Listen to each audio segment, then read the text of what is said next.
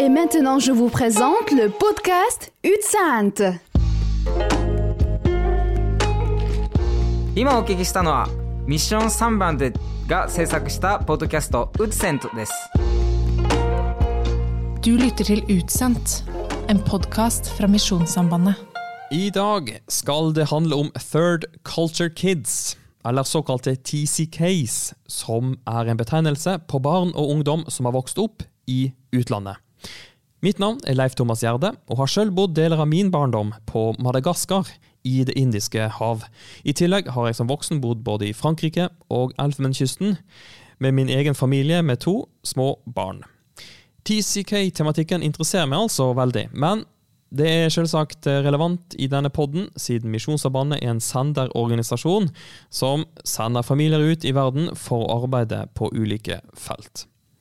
Jeg har invitert to gjester som begge har bakgrunn fra ulike misjonsfelt, og som ønsker å snakke med angående hva de tenker om plusser og minuser med det å være en TCK-er.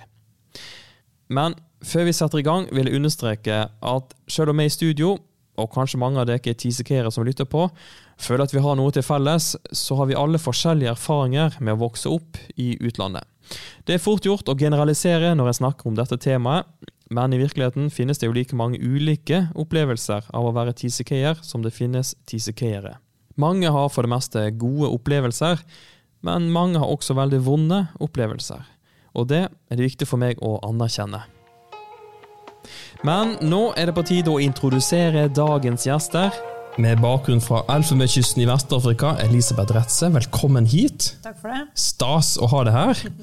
Eh, Og bakgrunn, med bakgrunn fra Japan, Inga Takanobu Hauge, velkommen til deg. Tusen takk. tusen takk. Veldig kjekt å få lov å være med. Eh, Og jeg eh, gjør jo alt jeg kan for å få gjestene til å føle seg velkommen. For her har jeg da gått til innkjøp av litt eh, japansk brus. Ja, Det var tre forskjellige smaker med ramune som du har stilt med Ja. her, og det er jo solid. Men du klarte å hoppe over originalen, som er sånn sitronsmak. så Sånn, der kom den, ja. ja, ja, ja. Nei, men jeg skylder på min manglende kunnskap om, om japansk brus. Ja, ja. Og så må jeg jo også nevne at jeg har forsøkt meg på hjemmelaga ingefærjuice. Ja, Eh, som Ja, hva, hva kaller vi den i Elfenbenskysten? den kaller vi en Nyamaguji. Den var god, Chips. Den var spot on, den. Ja, altså, jeg er følte jeg- imponert. Føler meg veldig velkommen og hjemme. Ja, Blandingsforholdet var litt feil, føler jeg, for det ble mer en ingefærshot enn en, en juice. Ja, men den skal være Den skal rive godt. Eh, Men eh, ok, Elisabeth. eh, Ja. La oss begynne litt med deg. For du er, er jo nå fagleder hos Flyktning- og inkluderingstjenesten Ja. i Rælingen kommune. Og så, Du har jo også eh, både studert sosialantropologi, Ja. og, og du har en master i utvikling ja. I, i, fra, I sosialantropologi. ja, i, eh, i Bergen. Stemmer. Eh, Og, da, og da, da tenker jeg liksom når jeg ser dette her, at du har jo veldig sånn naturlig et blikk ut mot verden. Og jeg lurer jo på om det er et resultat av at du har den bakgrunnen du har. Det må man jo si. Jeg har eh, studert eh, fransk på universitetet og sosialantropologi. Eh, bacheloroppgaven i sosialantropologi var om TCK, så masteroppgaven Aha. var om eh, vestafrikanske innvandrere, fransktalende sådan, eh, i Oslo og Bergen. Eh, så definitivt eh, knytta til oppveksten og trangen ut til resten av verden og Ja, Fantastisk eh, ressurs, følte jeg nå at vi har fått tak i. eh, Ingar fra Soloppgangens rike. Ja. Eh, administrasjonskonsulent ved Fjellhaug internasjonale høgskole. Nå mente jeg ikke at Fjellhaug var Soloppgangens rike. Men Alt er vel soloppgangens sentrum, hvis du definerer det riktig. det er akkurat sant. Ja. Jeg føler ofte at, eh, at Japan, eller land i Asia, blir ofte omtalt i veldig sånn poetiske ordlag. Mm. Altså, Japan ble skapt av dråper i vannet, eller Ja, noe sånt. ja, ja, av eh, spydet som eh, gudene Izanagi og Izanami blanda i hva skal du si, ursuppa og oh. trakk det opp, og når de fire dråpene dryppet ned, så ble det til de japanske hovedøyene. Ai, ai, ai. Det er jo rett ifra Nihonshoki, altså Japan-krøniken. Eh, skapelsesberetningen. Ja, altså, administrasjonskonsulent ved Fjellhaug internasjonal skole. Altså En administrasjonskonsulent er jo et veldig fint ord som egentlig bare betyr byråkrat. Men Ja. Eh, det, i korte trekk så er det liksom opptak og eksamen som er mine hovedansvarsoppgaver. Og så passe på at disse professorene eh, følger opp studentene sine med det de skal av. eh, eh, godkjenningslister og den slags type ting, og følge opp studenter litt sånn fortløpende underveis. Eh, Sant. Så jeg har jo blant annet veldig mye av dette med, med på Fjellhaug har jo fått veldig mange internasjonale studenter eh, Ja. de siste årene. Mm. og der eh, det, Den saksbehandlinga der, i forhold til hvem som slipper inn og ikke, den er det jo da jeg som tar. Ja. Eh, så Du er jo også spillanmelder for Game Reactor. ja, det stemmer. Siden Og- ja. 2010. Ja, kjempetøft. Og, og driver eh, også en strålende spillpodkast, Crossover Gaming. Takk, takk. Men eh, er det sånn at du favoriserer Nintendo?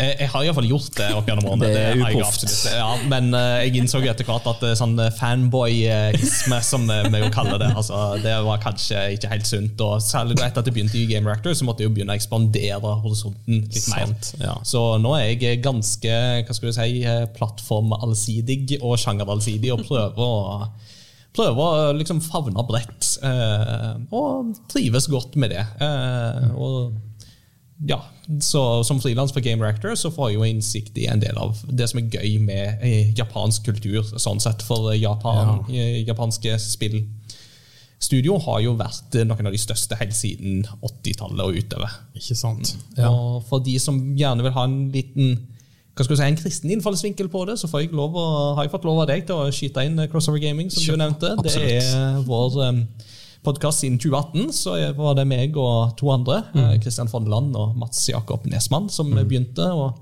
ville snakke litt om det med å stå med én fot i gamingens verden og én fot i liksom, den kristne verden. Ja. For det er jo det kan av og til bli litt underkommunisert, og man kan føle seg litt fremmed i begge kulturer. Eh, Og det er jo noe som en TCK-er kan kjenne seg igjen i. Hva gjør man da når man er en middelaldrende hvit eh, mann på slutten av 2010-tallet? Jo, man begynner en podkast. Eh, kjempe, kjempefint, altså. Men jeg har lyst til å ja, La oss gå litt, litt grann tilbake til det, da, Elisabeth. La oss få høre litt, grann, eh, litt bakgrunn. Eh, Nå, nå, nå leste jeg jo på, på Facebook-profilen at du bor i Oslo, Ja. men kommer fra Oane nå. Eh, jeg er vokst opp i Elfenbenskysten, som du sa.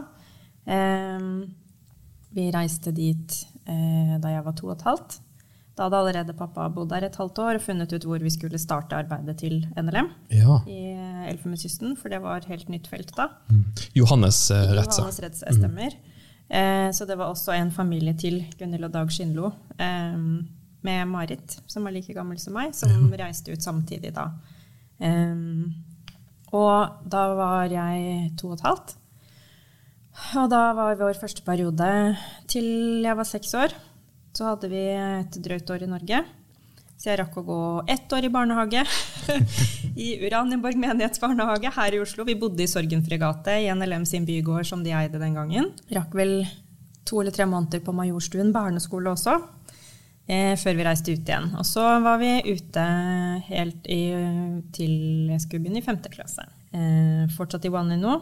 Samme landsby, nytt hus, men samme landsby. Vi snakker altså nord i Elfenbenskysten. Ja. Eh, nord eh, Nordvest. Ja. ja. Helt ved grensa til eh, Guinea og Liberia. Der, eh, der ligger Wanino. Eh, litt i overgangslandskapet mellom savanne og regnskog. Med litt mer fjell, litt mer kupert eh, enn store deler av resten av landet. Så relativt behagelig klima eh, sånn sett. I en landsby med ca. 3000 innbyggere. For så vidt litt stor landsby, men landsby definitivt. Ja. Det var det. Eh, Så hadde vi to år til i Norge, i femte og sjette klasse, og så reiste vi ut igjen og var ute siste periode mens jeg gikk på ungdomsskolen. Ja, og i 9. og 10. klasse da så gikk jeg på internasjonal internatskole. Ja. Eh, fordi at vi hadde jo ellers en bitte liten norsk DNS, Ja. den norske skolen i Wanino. Men for å få større miljø, jeg var jo alltid eldst eh, blant barna ute. Hadde jo aldri noen andre å strekke meg opp etter. Alle de andre var like gamle eller yngre. Så selv om eh, det på noen måter var tøft eh, å bo hjemmefra og sånn, så var det også bra på mange måter. ja, for du bodde på internatskole Ja. eh, på den internasjonale skolen. ja. Det var internasjonal internatskole med det britiske skolesystemet. Det var misjonærbarn-internatskole. Ja. Eh, det er jo, eller var eh, Det var jo tre misjonærbarn-internatskoler, internasjonale internatskoler i Elfenbenskysten, faktisk. Fordi at Elfenbenskysten var, og er for så vidt, et såpass utvikla land sammenligna med mange av nabolandene, at også misjonærer i nabolandene sendte ungene sine til internatskoler i Elfenbenskysten. Misjonærbarn-internatskoler. Ja. Ja. Så da har du på en måte opplevd å både være ganske liten på felt, altså. Ja. Eh, Vi snakker to år. Ja. ja toåring. Og så har du på en måte gått uh, mer eller mindre hele veien fram til videregående. Ja. ja. Vi kom tilbake til Norge sommeren 98, da jeg Ja. skulle begynne på videregående. Da var jeg 16 år. Ok. Var det, var det ikke flere norske altså, For å si det sånn, Vennene dine, var de også norske, eller var det Ja, Um, den, den første perioden så bodde vi jo midt nede i landsbyen. Da var vi jo bare oss to familiene hele første perioden. Da hadde vi nabo med 18 barn. Ja. Så vi hadde veldig mange lekekamerater. Eh, og de snakka jo fransk, for de gikk jo på skole og sånn, så vi lærte jo fransk veldig kjapt som barn. Landsbyfransk, selvfølgelig. Men, eh, men uh, et av mine første franske ord var 'imbécile'. ja, Vi hadde gode lærere blant de nabobarna. Ja. Så Og blant de av våre lyttere som ikke da er stødige på fransk, så er jo da 'imbécile' idiot. rett og slett idiot. Ja. Ja. Har de et tilsvarende uttrykk i Japan? Altså idiot? Ja, altså, Noe av det første du lærer deg når du ser på japansk anime, altså sånn Ja. japansk Ja, animasjon, ja. så er det jo det er liksom tre ord man sier at du lærer deg ganske fort. Det er neko, altså katt. Oh, ja. Det er kawaii, som da er søt. Og så er det baka, som er dumming. Okay, okay. Så det blir liksom det nærmeste du kommer. Mm, Og det, Jeg skal ikke begynne på min franske engang, for den er veldig begrensa. Men er det sånn at eh, For det her var jo på Hvilket årstall eh, snakker vi om nå? Det var på 90-tallet? Eh, ja, altså da vi kom ut første gangen, pappa og Dag Skinlo de reiste ut i august eh, 84. Ja, og vi sant. kom etter i eh, Ja, de andre kom etter i november eh, 85. Så ble min bror født i desember, så han var seks uker da vi reiste ut i januar 85. Ja. Ja. Men, men eh, Ingar, Takanobu, det er vel ikke norrønt eh, for uh, et eller annet? Nei, kan du, eh, sist jeg sjekka, så var det ikke det. du har jo mellomnavn Takanobu. Er, du, er, du, er du født i Japan? Jeg er født i Japan i 1987. Ja. Uh, 24. september, for å være helt spesifikk. Ja. Så da vet folk det. Uh, Og Takanobu, mellomnavnet, det tok jeg eh, i en alder av eh, 19. Eh, Det var vel da jeg begynte som student at jeg valgte å ta et japansk mellomnavn. Ja. Eh, Og det eh, var litt etter modell av noen andre misjonærbarn som hadde gjort det, det samme. Mm. Som eh, jeg eh, oppfatta som at det er en veldig fin måte å markere eh, en del av min japanske identitet som en del av eh, navnet mitt. Eh, for at eh, det er jo veldig mye identitet knytta til det med navn. Eh, Ja. Absolutt. Så, Så det gikk du rett og slett og bestemte deg for et uh, japansk navn du likte veldig godt? ja, så da måtte jeg brainstorme litt, Ja. uh, og da landa jeg rett og slett på Takadobu. Uh, Som da er Det er ikke det vanligste navnet. Det betyr sikkert noe sånn pre pretensiøst gud, Gudgitt Nei, altså Gudgitt pretensiøst. Ja. Ja, det, er, det er ikke så helt feil, faktisk. Oh, nei. Nei, altså på, japansk, så, altså på norsk så snakker vi jo om liksom mye eller lite tro. På japansk så kan du snakke om høy eller lav tro. Eh, så takanobu er rett og slett høy tro, eh, som jeg da ønsker som et navn å, å strebe etter. Ja. Eh, ikke et navn nødvendigvis for å liksom, understreke så, så sterk tro jeg har, men kanskje et navn til etterfølgelse. for min egen del. Men det var jo interessant at du, du kjente på en slags behov for å få en identitet i navnet, og, og kanskje da får du automatisk litt spørsmål eh, også? Ja, i alle fall når folk eh, kommer til det der Ja, hvordan i all verden skal jeg uttale det? Det er jo alltid den eh, mest interessante biten. Men ja. når jeg for da er i Japan, så er det jo veldig nyttig å ha et japansk navn Ja. å kunne slenge ut. Selv om japanerne stusser litt når de ser meg. For eh, det er jo dårlig radio, dette her, men jeg ser jo ikke så japansk ut. Selv om noen japanere stusser liksom litt på Er du halvt japaner? Ja. Eh, jeg kan bekrefte at du ikke ser japansk Ja, det ut. det godt. Nei, men, men flott, men, men jeg tenker kanskje at eh, at uh, vi kunne bare uh, gå, zoome litt ut og snakke litt om hva er egentlig en TCK, altså en Third Culture Kid.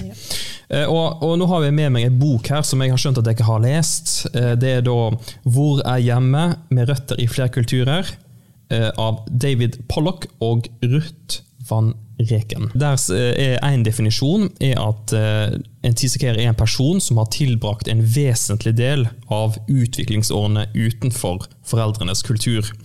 Altså at man forholder seg til tre kulturer. altså Første kulturen, der hvor foreldre kommer fra.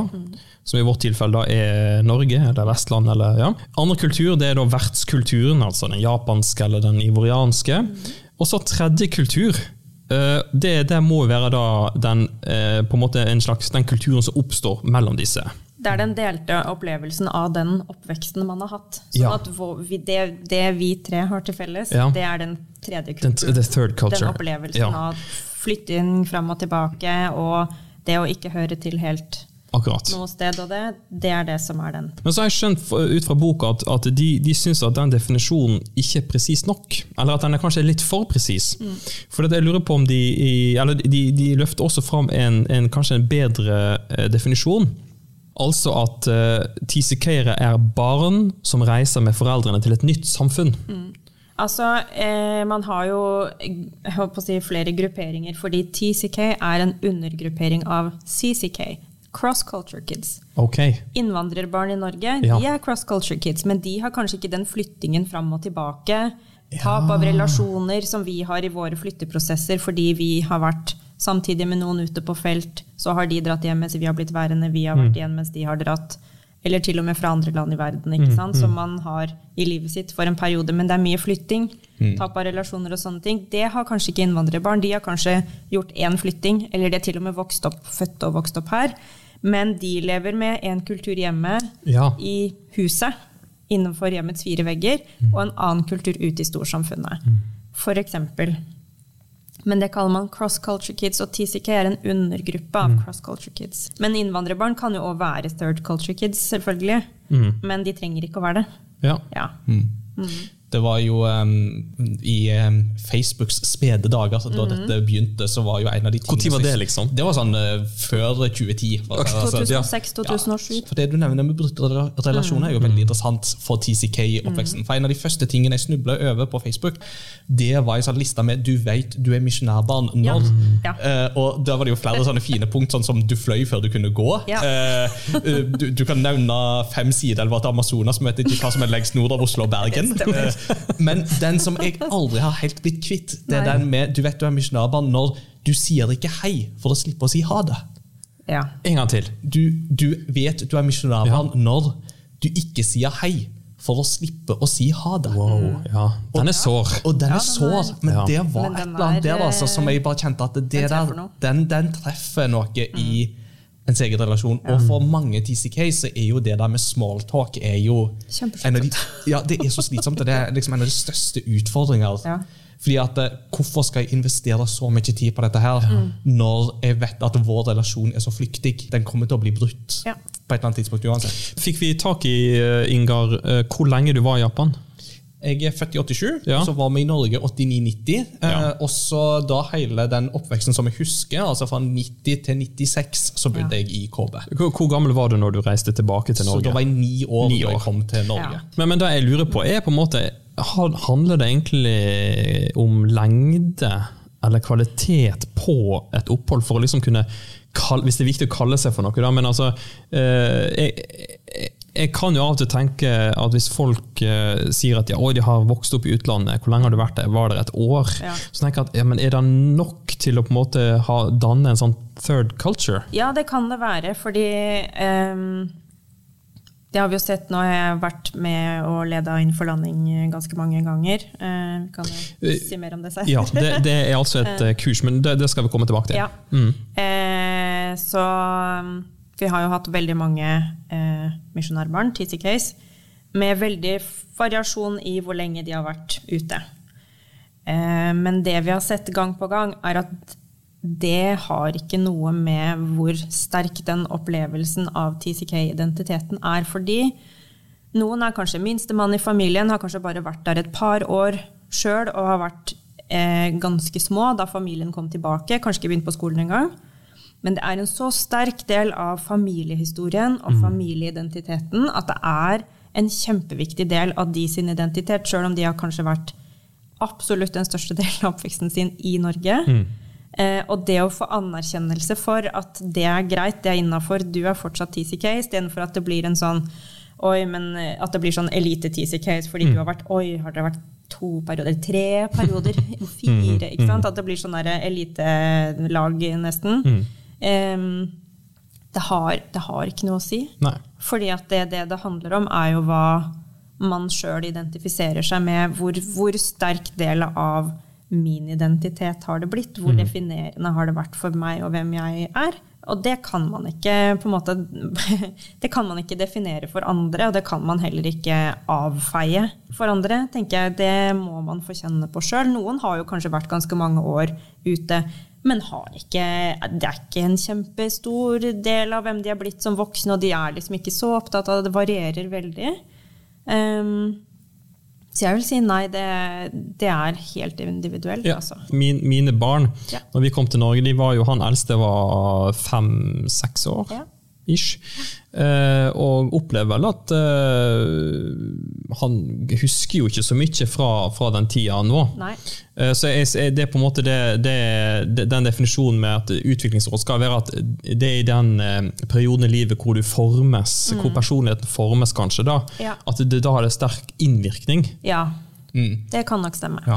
Og samtidig så er det jo veldig individuelt òg. Altså, det er jo misjonærbarn som kommer tilbake når de er fire-fem år, og som likevel kanskje sånn sett har en veldig kort del av sitt liv i, i feltet, men som likevel er veldig opptatt av at eh, jeg altså, jeg er japaner, eller jeg er ivorianer, eller altså at det er på en måte en del av deres historie, så er det, altså at det fortsatt kan få veldig betydning for dem. Da. Eh, Så det, det kan være ekstremt individuelt, så jeg tenker at man må ikke undervurdere barns evne til å ta til seg Nei. noe av den betydningen det har med å ha en bein i to kulturer, selv om den tida er veldig kort. Altså det man, Noe man sier eh, som jeg syns er egentlig en helt fantastisk måte å si det på, er jo at når man flytter som voksen, ikke sant, så er det jo både at man velger det Barna er jo bare med på lasset fordi de voksne har bestemt det. Eh, men eh, parents adapt, children absorb. Fordi man er bare barn. Ikke sant? Man er ikke bevisst innvandrer i en ny kultur når man er liten og vokser opp et annet sted. Man er jo bare i det. Det var min barndom. Jeg vokste opp sånn. Det var jo ikke noe bevisst valg fra meg. Sant? Mens voksne velger jo å reise. De velger, ikke sant? Da skal vi lære oss kulturen, vi er bevisst, vi skal skjønne og kommunisere og fungere her og finne ut av systemer og bla, bla. Mm. Så det er en, en, en bevisst prosess på en helt annen måte, og de tillærer seg hvordan de skal fungere ikke sant? som voksne mennesker i en annen kultur, mens barn bare er.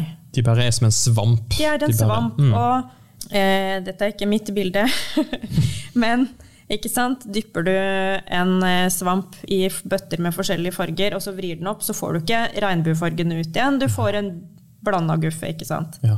Ja, og det, det er jo sånn det er med barn. For man tar til seg alt, og så blir det en blandings, da. Ja. Ja. Men husker dere når dere sjøl kom tilbake igjen fra, fra felt, eh, og, liksom når folk spurte dere hvor dere var ifra?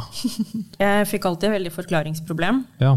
Jeg får det litt fortsatt, merker jeg. Men jeg, det jeg lærte meg til etter hvert, eh, var å se an om jeg trodde de som spurte, egentlig var interessert i å høre på alt. Eller om jeg bare skulle si ja, foreldrene mine bor i Enebakk. og se om de plukka Ja. opp at jeg egentlig ikke svarte på det de spurte om. Fordi det blir, jo, men ikke Ja. sant? det blir litt sånn, skal jeg kaste bort hele forklaringen på noe som betyr noe for meg? og så er du egentlig ikke interessert i å høre på det? Eller eh, er du interessert i å bli kjent med meg? For da kan jeg fortelle ordentlig. Eh, fordi det åpner opp noe som er viktig for meg, sant? om hvem jeg er. Men tror jeg at du egentlig ikke er så veldig interessert i å høre på? Og så får man litt, det, litt sånn fjerne blikket etter hvert når man har begynt å prate, og du ser at det, de, det var ikke det. De var ikke så interessert i å høre på hele greia, hele remsa. For det er jo ikke noen kort forklaring på det. Em, så det ble en sånn taktikk litt uh, fra min side. Eh, etter hvert som jeg på en måte brant meg litt kanskje et par ganger på at folk egentlig ikke var så Det var ikke så interessant eh, når jeg begynte å forklare. Ja. Ja. Det er jo det er interessant det du sier der, for, at, eh, liksom, for jeg har inntrykk av eh, Nå kjenner jeg eh, en del TCK-ere, men liksom den der behovet for for, fortelle, liksom. Ja. Og så har jeg hørt eh, episoder hvor, hvor man rett og slett har bare spurt i, i, på skolen Ja. Kan ikke jeg få en klassetime til å bare forklare alle her hva er det jeg har gjort, og sånn. Ja. Og det er jo noe fint med det, men samtidig så sier det noe om at ja, eller man, man trenger å kanskje bli hørt, da. Eh, og eh, Nå skal ikke jeg ta så utrolig mange uh, historier fra mitt eget liv her, men, men jeg husker når jeg kom tilbake da fra Madagaskar. Eh, og da var liksom mine klassekompiser litt sånn opptatt om jeg liksom, når jeg skulle på skolen om jeg hadde jungelkniv og måtte, måtte liksom, eh, liksom hva heter det, kutte seg gjennom for å komme Ja, til ja, ja. skolen. Og da kjente jeg at ok, her er vi så for, det, det, Jeg var nesten redd for å skuffe dem. Ja. Nei, jeg gikk Jeg gikk uten jungelkniv. Så, og og da, da kjente jeg kanskje litt sånn som du tenker, at jeg, jeg orker ikke å forklare. Nei. Du må Sånn forklare den, så eh, veldig ja. mye før du kommer til det du egentlig skal Ja. svare på, fordi du må gi så mye Ja. kontekst. Ikke sant? Fordi det er så fjernt for dem. Mm. Og det orker man ikke alltid. For det er jo det man egentlig føler behov for å gjøre hvis man skal fortelle det skikkelig. sant? Mm. Men det er jo noe av det som er digg med TC Case, andre TC Case, fordi man trenger ikke alltid kontekstualisere Sant. alt det der, ikke sant? Ja. for de skjønner det. Ja. Men hadde du noen strategi, eh, Ingar? Ja, jeg spør ofte av bare folk ja, vil du ha den korte eller vil du ha den lange versjonen. Det hender også at jeg spør om. Eller den, ja, hvor god tid har du? Ja. det, det er jo greien. Så. Eh, Så, så jeg prøver nok å være litt mer sånn, konfront, eller ikke konfronterende, men at det, det blir et sånn backup. eller sånn, Ja. jeg, jeg spør tilbake. Du kan ja. velge nå. Ja, at jeg må Hvor ta liksom litt den der valgvarianten. For at Ja. eh, som regel så kan jeg jo bare si at nei, han har litt røtter fra Vestlandet, litt her og litt der. Eh, Det er liksom den korte versjonen. Sant. Men altså, så lenge samtalen går lenge nok, så Ja. kommer jeg liksom alltid inn på Japan på et eller annet tidspunkt. Det er en slags, du kan sikkert lage en slags sånn der matematisk kalkyle for liksom sånn utrekning av liksom hvor, Ja. hvor, hvor langt må samtalen gå? Hva Ja. tema må du gå inn på før Ingar kommer inn på Å, forresten, jeg har bodd noe, jeg vokste opp i Japan, Ja. så men uh, da jeg flytta til Norge, så jeg slapp jo heldigvis den der jungelkniv eh, de, de variantene der. Der slapp jo jeg. Og altså, jeg var jo kanskje litt i holdt jeg på å si, andre enden av skalaen, for at jeg vokste jo opp med å gå de to første årene på den norske skolen i Japan, i Ja. HB, mens den fortsatt eksisterte. Eh, og det inkluderte av og til, eh, så dro jeg sammen med mine søsken. Av og til så fikk jeg dra alene. Og da inkluderte jo det en reise på 50 minutter hver vei, der jeg gikk alene i en storby på halvannen million til togstasjonen, tok tog, skifta til eh, monorail, altså et annet tog, og tok det, og så gikk jeg fra togstasjonen til skole. Hvor gammel var du? Da var jeg første klasse, andre klasse altså, Men altså, så, så, liksom, i en så trygt samfunn. ja, og altså, er en ting som jeg jo fortsatt ikke, ikke skjønner i en norsk kontekst, er den der med at det, å, barna mine de skal til naboen 300 meter lenger vekk. Vi må kjøre dit, det er farlig! Og det var sånn, Nei, det er jo ikke det! Altså, barn, barn klarer den slags ting, sitter jo jeg og tenker. Men altså, Ja, ja. eh, det hører kanskje med til historien at jeg har ikke barn, så det er liksom alle pedagogiske innspill jeg kommer med, må tas med en enorm trillebårlass med salt. Men, men jeg, jeg, blir så, jeg syns det var litt interessant det du snakket om den svampen. Ja. For at jeg lurer litt på, Ingar, om du, du, du elsker vel kø, god køkultur? Altså, har, tar, tar du med deg litt sånne ting eh, Ja, altså, ja, altså jeg, jeg, jeg er jo hver gang jeg lander på en norsk flyplass, jeg er han ene som står bak den der linja som de liksom har tegner rundt båndet for å liksom illustrere for folk. Ikke gå innafor den linja før kofferten din kommer. Og så nordmenn bare ignorerer eh, for, for full hals. Altså, jeg hørte en gang noen snakket om at å, i Norge så har vi så god køkultur. Og jeg bare Nei. Altså, jeg, jeg, jeg, pendler sjøl med tog, og på Oslo S av og til så, så, så har jeg og Anna merkelig tenkt at eh, jeg hadde trivst i Japan uten å ha vært i Japan. For det For meg eh, fremstår japanere så utrolig ryddige og rolige og, med køkultur. Og det, og det og det er jo noe med det, ikke sant? Altså, I Norge så er vi litt over fem millioner. Og det er stort sett her i Oslo vi egentlig er en gruppe på mer enn seks personer om gangen. Ja. eh, på et sted. Ja. Sånn. Flåsete sant. Eh, I Japan så er det jo 125 millioner innbyggere pluss. altså Det går jo nedover der med innbyggertallet faktisk, eh, med flere hundre tusen i året På grunn av lav re- reproduksjon og lav innvandring. Eh, og Da sier det seg jo seg sjøl at når du er så mange hundre millioner folk klemt inn på ett og samme sted, da må man lage noen sånne felles regler for ok, her må vi faktisk oppføre oss systematisk, ordentlig og pent. Hvis ikke så går ikke dette. Nei. Og det er ekstremt fascinerende å se på forskjellen mellom en togstasjonkultur i Tokyo og i Shanghai. Altså, Ja. Du skal ikke lenger enn over fjorden uh, i hermetegn, for å se at det er vesensforskjell mellom køkulturer mellom Japan og andre nærliggende Ja. land, faktisk. Eh, og den, uh, men, men, men jeg elsker jo den der med liksom ha ting liksom på orden, og ting går på skinner. og litt sånn, Så det at jeg gifta meg med misjonærbarn fra Kenya og Tanzania, der African time var liksom uh, greia, det er veldig virkelig. Men uh, heldigvis så hun elsker den, den japanske liksom, ting på tid og orden. Og, ja, så. Ja, for du Elisabeth, har du tatt med deg noe sånn eh, fra den eh, kulturen, eh, den eh, hva du si, vestafrikanske tid kommer? Eller, Eh, eh, jeg er nok litt tidsoptimist, eh, Ja, jeg skal innrømme det. Mm. Ja. ja, men sånn, Med tanke på litt sånn utfordringer rundt dette her med å være TCK, så kjenner man kanskje på en rotløshet. Finner man en, en base på en annen måte? Altså, Når man opplever en rotløshet, og som jeg har jo snakket om at det er litt vanskelig å si hvor en egentlig er fra, ja, hvor finner en på en måte en, en, en, en annen måte å, å tenke rundt det på, eller er det et mangel i livet? Altså Det som har vært konstanten i en sånn oppvekst, er jo kjernefamilien. Ja. For de har vært med hele veien, ikke sant, på alle stedene. Eh, en annen ting som jeg ikke ble bevisst på før jeg så var på et seminar der det eh, ble framheva, der de viste eh, en film der det ble tematisert, hvor det var to TCKs som var veldig veldig internasjonalt. De hadde bodd masse forskjellige steder. Men eh, noe av det som var en viktig base og et tilbakevendingssted i de sin oppvekst, var farmorens hus. ja. Ehm, som ble en veldig aha-opplevelse for meg på at alle våre somre i Norge i oppveksten, så har vi reist til farmor og farfar på Sunnmøre, på gården der pappa har vokst opp, og vært der eh, i noen uker hver sommer. Eh, og hvorfor det stedet på en måte fortsatt betyr så mye for meg, ble litt For jeg er, liksom, jeg er veldig glad i det stedet. Um, men, men hvorfor det var så veldig sånn tilknytningssted for meg, fikk jeg ikke helt Eller har jeg liksom ikke helt tenkt på på den måten før jeg så den, eller var på det seminaret da, og tenkte bare Oi, er ikke sant? Det har vært konstanten i Norge eh, for meg.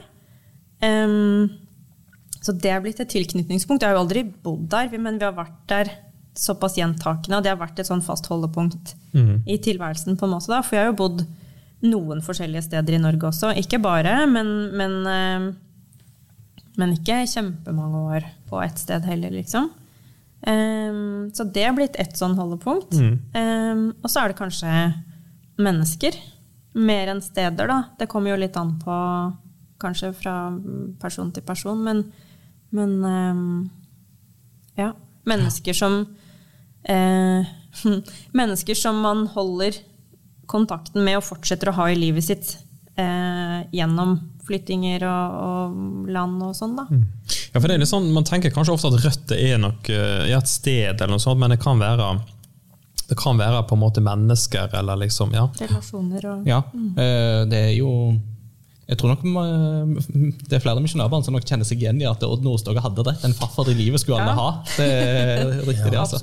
Jeg, jeg, jeg har jo tenkt for min egen del at eh, en sånn effekt av denne rotløsheten, eh, som jo da kanskje kan oppstå hvis du føler deg veldig fremmedgjort i møte med det du kan si er din primærkultur, hva Ja. enn det er. Altså, la oss si da, I vår kontekst er det Norge som er vår primærkultur, fordi Yes. våre foreldre er fra Norge. Ja.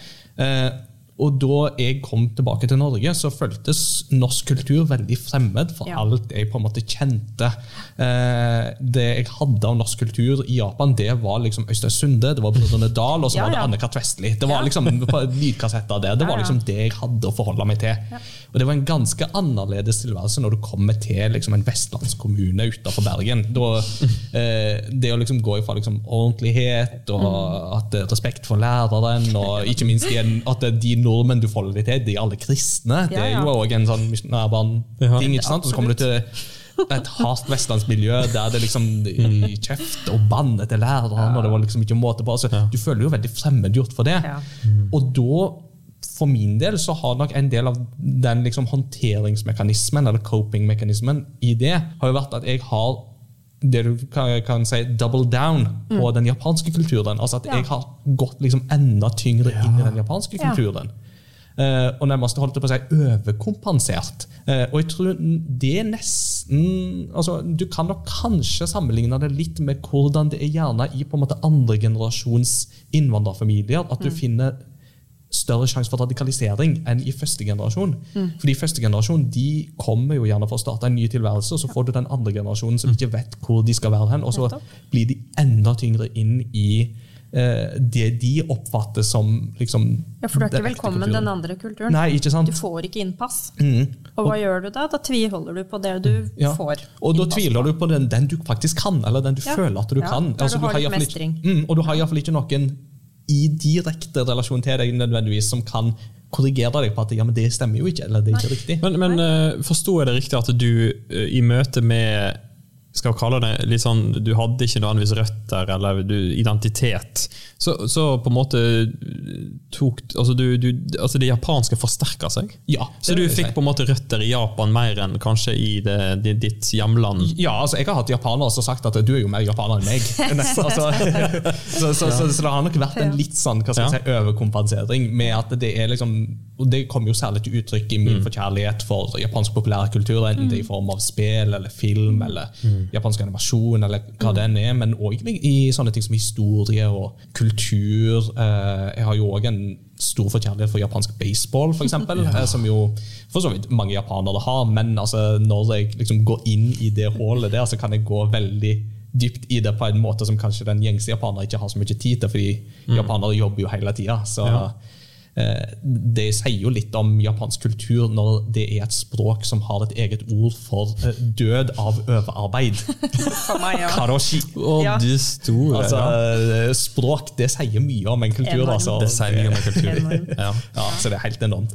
Så for min del så har eh, nok det gitt et sånt altså Det har vært en håndteringsmekanisme Ja. for min del. At det at jeg blir veldig opptatt av det japanske, har rett og slett vært en måte å håndtere at jeg har ikke helt passa inn i det norske. Men det er, det er en, faktisk en vanlig overlevelsesmekanisme for TCKSD, det. Fordi man kan enten bli bare helt usynlig. Eh, ikke sant? Litt sånn Bambi i gresset, som bare ligger der og håper at ingen ser en, fordi man får det jo ikke til. Så man ligger bare der og prøver å være usynlig. Eh, eller man blir kameleon, ikke sant? så man, man tilpasser seg alle andre og utvisker seg sjøl omtrent, fordi du skal bare høre passe inn, orker ikke å skille deg ut. Du bare gjør det alle andre gjør, uten å tenke eller kjenne så veldig etter på om det egentlig er deg eller ikke. Eh, eller så kan man bli Man kaller det nesten kanskje litt Tarzan, da, at man blir sånn demonstrativt, liksom. Er det faguttrykk? At Ja. man blir litt Tarzan? Ja. Ok. Det. Ja. faguttrykk. Ja, ja, ja, ja. Eh, man eh, blir sånn demonstrativt annerledes. Det er liksom Her er jeg, sånn er jeg, dette er meg. Mm. Take it or leave it, liksom. Jeg bryr meg ikke om hva dere syns. Jeg, sånn er jeg. Altså, sant? At det, fordi at man tviholder på det, for man passer ikke inn allikevel. Så da bare tviholder du på det som, som du får til, da. Ikke sant? Mm. Og særlig for oss som da ser veldig norske ut, i alle fall Ja. hvis du ikke spør japanere som lurer på om jeg er halvt japansk, eh, så har jo vi vokst opp i en kontekst der utseendemessig så, så skiller vi oss ut. Ja, ja. Og da blir vi veldig vant til at uh, vi er annerledes. Ja. Uh, og så kommer vi inn i en norsk kontekst, og så er vi plutselig ikke annerledes lenger. Ikke Men samtidig så føler vi oss veldig annerledes.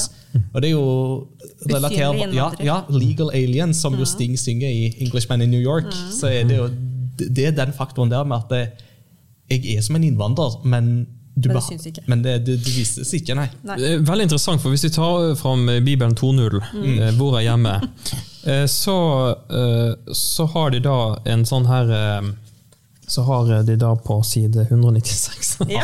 Er en sånn her firkant med, med fire firkanter inni seg. Og der jeg, eh, beskriver du kanskje litt det du tenker på, dette med at man, man er i fire kategorier. Enten så er man eh, rett og slett utlending, altså en ser annerledes ut og tenker annerledes.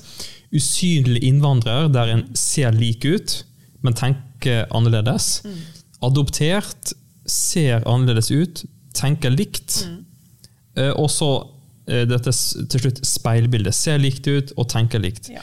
Og, og det du snakker om, Inga, med at man ser annerledes ut, men tenker likt, eh, det er kanskje eh, at, at du ser ikke ut som japaner, men, men du, du, du tenker kanskje Vel, det å dra Ja. det litt for langt, Ja, men ja men, at, men det, samtidig så går det altså, Til å begynne med, når jeg snakker med japanere, Mm. så kan de ha den følelsen, men etter hvert så innser de jo at Men jeg er jo ikke helt som.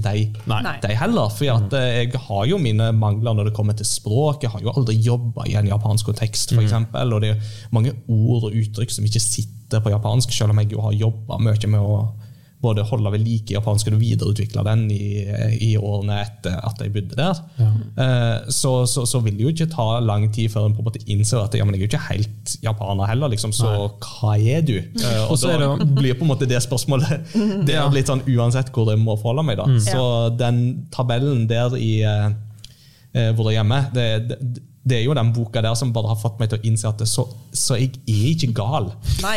ja, det, men det er jo viktig å bare å innse det. Ja, altså Det å få noen brikker på plass der, Ja. det, Den den, er er helt Men, men, den siste, sånn sett, altså. ja, men den siste kategorien speilbilde, det er jo det kanskje man forventer både av seg sjøl og uh, samfunnet rundt. At du skal liksom Nå er du ferdig på felt, nå kommer du igjen som en forvirra ungdom. Nå skal du Nå, nå, nå forventer Men du er jo norsk. Ja, sant.